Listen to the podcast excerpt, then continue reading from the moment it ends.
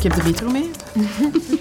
De allerlaatste. Ik heb hem altijd gelezen. Om het echt vast te hebben, dat vond ik het leukste eraan. Hoe lang gaan we nog papieren kranten lezen? En dat is mijn boodschap aan de lijn. Stop met klagen en zagen. Ik blijf daar wel met die vraag zitten. Ja, maar wat is dat nu? Worden die kapot bespaard?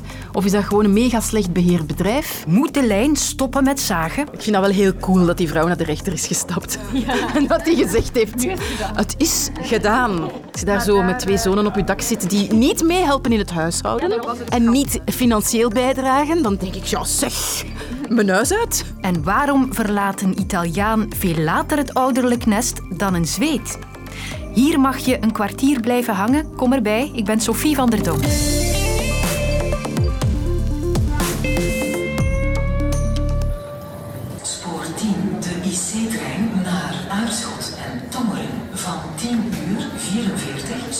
Ja, er hing vanmorgen een wolkje melancholie in de Vlaamse treinstations. Instappen alstublieft.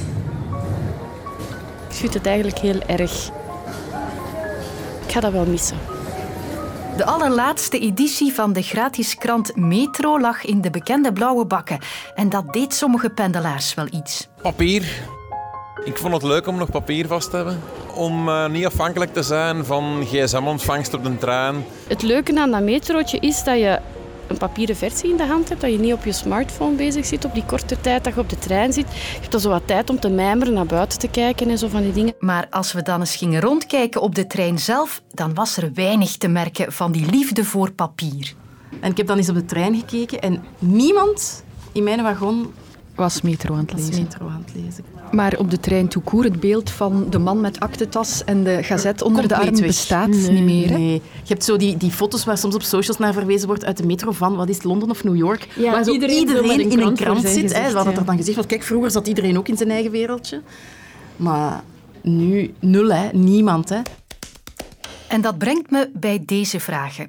Leest er iemand over tien jaar op een doordeweekse dag nog een papieren krant? Nee, En moeten we daarom treuren? helemaal niet, nee. Nee. En die verrassende antwoorden komen van iemand die met twee voeten in het krantenvak staat. Goedemorgen met eh, Karel. Karel Verhoeven, de hoofdredacteur van De Standaard. Een glazen bol heeft hij niet, wel voelsprieten en een goed ontwikkeld buikgevoel om het te hebben over de toekomst van de papieren krant. Wij denken dat wij over vijf jaar, misschien zelfs iets sneller, het debat zullen voeren of we in de week nog wel een papieren krant zullen drukken. Wij kijken daar zonder treurnis naar. Wij willen ze niet sneller weg, maar wij hangen er ook helemaal niet aan vast. Ehm, we hebben 110.000 abonnees en op dit moment lezen nog een 40.000 ons elke dag op papier. En je hebt een, eh, een paar duizend eh, losse verkoop nog in de krantenwinkel. En dat eh, zakt aan een gestaag tempo. En er komt een moment dat de vraag rijst, eh, willen we ze nog drukken? Wanneer dat moment precies komt, moeilijk te voorspellen. Maar er zit wel een, een vrij rechte lijn in hoe eh, papier wegvalt en hoe andere abonnementsformules dat opnemen en het leesgedrag verandert. Want mensen lezen ons niet minder, in tegendeel. Wij weten hoe lang mensen ons lezen in de papieren krant. Dat is 22 minuten per dag. Dat was zo tien jaar geleden. Nu kunnen we dat ook eh, op onze, wanneer ze ons digitaal lezen in de krant. Dat is ook 22 minuten per dag. Maar er komt nog een hele andere leeservaring bij, via nieuwsbrieven, via de nieuwsapp, via podcast.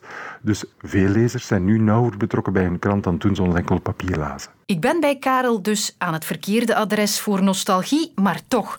Een verse croissant op zaterdagochtend, kop thee erbij en alle tijd van de wereld om door die dikke weekendkrant te bladeren. Dat is toch iets wat ik niet graag zou missen. In het weekend is het een ander verhaal. De krant, het papier, hoort op dit moment nog heel hard bij die weekendervaring. Aha, betrapt hoor ik dan toch een hart voor papier kloppen. Wat maakt dan dat we op zaterdagochtend wel nog willen bladeren? Het gevoel van overdaad, het gevoel van keuze te hebben. Niet zo letterlijk te lezen, niet zo functioneel te lezen. Meer op zoek te gaan naar inspiratie. En daar is het, het, bladeren dat, ook, dat wij ook digitaal imiteren. Want in de digitale edities kun je ook gewoon door, door je scherm bladeren, bij wijze van spreken, zoals dat ook kan in een e-book. Maar die ervaring is toch nog wel leuker op dit moment op papier. Dit is de tijd van het jaar dat je onze wegen traditioneel nog meer ziet dichtslippen. Regenachtige herfstdagen, we stappen liever in de auto dan met de fiets te rijden of te voet te gaan. En voor wie aan het openbaar vervoer had gedacht, komt er dit nog bij. Ook volgende week in de herfstvakantie kunnen er nog problemen zijn bij de lijn. Daar waarschuwt de Socialistische Vakbond voor. Sinds gisteren voert het personeel van de lijn actie omdat de directie heeft gezegd dat ze stelplaatsen en onderhoudscentra gaat sluiten. Het is zeker niet de beste week geweest voor onze Vlaamse vervoersmaatschappij De Lijn. Ze kreeg er ook van langs van minister van Mobiliteit Lydia Peters van Open VLD. Stop met zagen en klagen. Zorg dat de middelen die je ter beschikking stelt, dat je die ook op een performante manier gebruikt. Dat was een sneer naar de topvrouw van de lijn, Anne Schoeps. Die vindt dat de lijn ondergefinancierd wordt en dat dat een verrottingsstrategie is. Ik ben blij dat ze die uitspraak heeft gedaan, want het is al jaren bezig en eigenlijk eh, zijn twee partijen in de Vlaamse regering, en dat is Open VLD en N-VA, de lijn liever kwijt dan rijk. En deze Herman Welter heeft daar zijn gedacht over. Ja, ik ben journalist. Ik volg sinds 1964 het wel en wee van zowel spoorwegen als het stads- en streekvervoer in binnen- en buitenland. En ik ben ook ervaringsdeskundige, omdat ik bijna elke dag gebruik maak van tram, bus en trein. De bevoegde minister zegt dat de lijn meer werkingsmiddelen krijgt, 1,2 miljard per jaar. Dat er ook een investeringsbudget is, dat de lijn dan niet voldoende zou besteden volgens haar. Dus dan kom ik bij punt 1. Het geld. Heeft de lijn geld te weinig of is het wanbeleid? Het is zeker geen wanbeleid. De lijn kan op veel punten beter presteren. Denk maar aan de communicatie. Maar het is vooral, men heeft in de voorbije decennia veel te weinig geïnvesteerd in eerst onderhoud. Dat is verwaarloosd. Er is ook veel te laat of te weinig uh, werk gemaakt van de vernieuwing van de tram- en busvloten. Wij hebben bussen van meer dan 20 jaar oud. En in Antwerpen rijden trams van meer dan 55 jaar oud. Dus, dus met het budget van vandaag kan de lijn gewoonweg niet voldoen aan de behoeften van vandaag? Nee. Ik denk dat ik naadloos bij punt 2 kom, dat is de betrouwbaarheid van de lijn. Dat is ook een probleem natuurlijk. Hè. Oude bussen vallen in pannen, personeel dat staakt of in mijn buurt rijdt er geen bus meer. Je bent niet zeker van je, van je verbinding van je bus of tram. Ja, dat is, klopt. Dat heeft natuurlijk voor een deel te maken met de oude vloot. Veel oudere bussen, oudere trams uh, ja, hebben meer defecten. Ja, onderhoud duurt langer. De betrouwbaarheid heeft, hangt ook af van de doorstroming. Doorstroming is de beste besparing en de meest klantvriendelijke besparing. Met doorstroming bedoelt u dus dat de tram of de bus vlot kan doorrijden op zijn traject? En daar kun je dus heel veel tijd mee winnen. En je biedt een betrouwbare en stipte dienstregeling aan. En dat blijkt nog altijd niet mogelijk te zijn in dit land. Een personeelstekort, daar kan de lijn natuurlijk ook mee. Het is ook niet meteen een aantrekkelijke job misschien. Hè? We horen heel geregeld over gevallen van agressie. Dat is natuurlijk juist. Hè. En dan kan dat ook mensen tegenhouden om te solliciteren als chauffeur. Maar daar wordt wel wat aan gedaan. Hè. Men, men, gaat nu cabines in de bussen maken. In de tram zitten de, de trambestuurders sowieso afgescheiden. Maar bij de bussen is dat uh, al dikwijls een probleem. En dan heb je het andere probleem, dat zijn een tekort aan technici. Dat is uh, bijna overal in grote regio's waar veel keuze is. Misschien moeten we een betere arbeidsvoorwaarden bieden voor die technici. Om ze toch te lokken naar de lijn. Maar dat verhoogt natuurlijk ook loonkosten. En dan het vierde punt. Laat ons meer voertuigkilometers uitvoeren door die private busmaatschappijen. Want die staken niet om de haverklap. Die hebben niet een dergelijke verouderde vloot. Die investeren en die lopen niet continu in de pers te klagen. Ja, de privé doet het gewoon beter, zegt de minister. Ja, daar moeten we toch even een kanttekening mee maken die exploitanten, die privébedrijven, die rijden gewoon in opdracht van de lijn. Die moeten alleen maar rijden. De lijn heeft veel meer dingen te doen. Die moeten beleid uittekenen, die moeten de dienstregelingen maken en zo verder. Dus daar kun je eigenlijk moeilijk vergelijken dat die bussen er netter uitzien, vaak moderner zijn. Dat klopt allemaal. Dat er nooit gestaakt wordt bij de exploitanten is ook niet waar, want de jongste jaren zijn er veel concentraties. Kleine bedrijven worden opgekocht door grote spelers, meestal uit het buitenland. Daar wordt dan ook vaker meegestaakt. Niet in die mate als bij de lijn gestaakt wordt, dat klopt. Hoe zou u in het algemeen de staat van ons openbaar vervoer in Vlaanderen omschrijven? Kijk, wij zijn de rijkste regio in België en we hebben een zeer slecht openbaar vervoer. Dat is onbegrijpelijk als je dat met het armlastige Brussel vergelijkt, de MIVB. Als we dat een beetje populair vergelijken in voetbaltermen, dan speelt de MIVB in de Europa League en wij spelen op het laagste niveau in de voetbalcompetitie. Ik geef mijn zonen nog veel tijd voor ze het ouderlijke huis moeten verlaten, maar blijven tot hun veertigste moeten ze nu toch ook niet proberen. Ik kan mij ook niet inbeelden dat ze dat zelf zouden willen.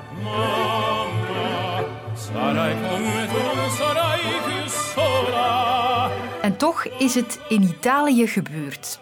Twee broers, 40 en 42 jaar oud, wonen nog altijd bij hun alleenstaande moeder van 75.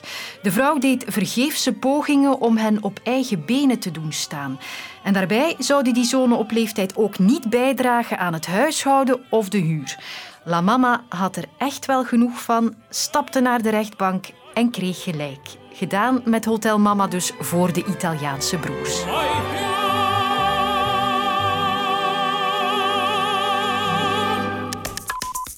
Een bijzonder verhaal, maar in Italië is het geen uitzondering dat vooral mannen heel lang thuis blijven wonen.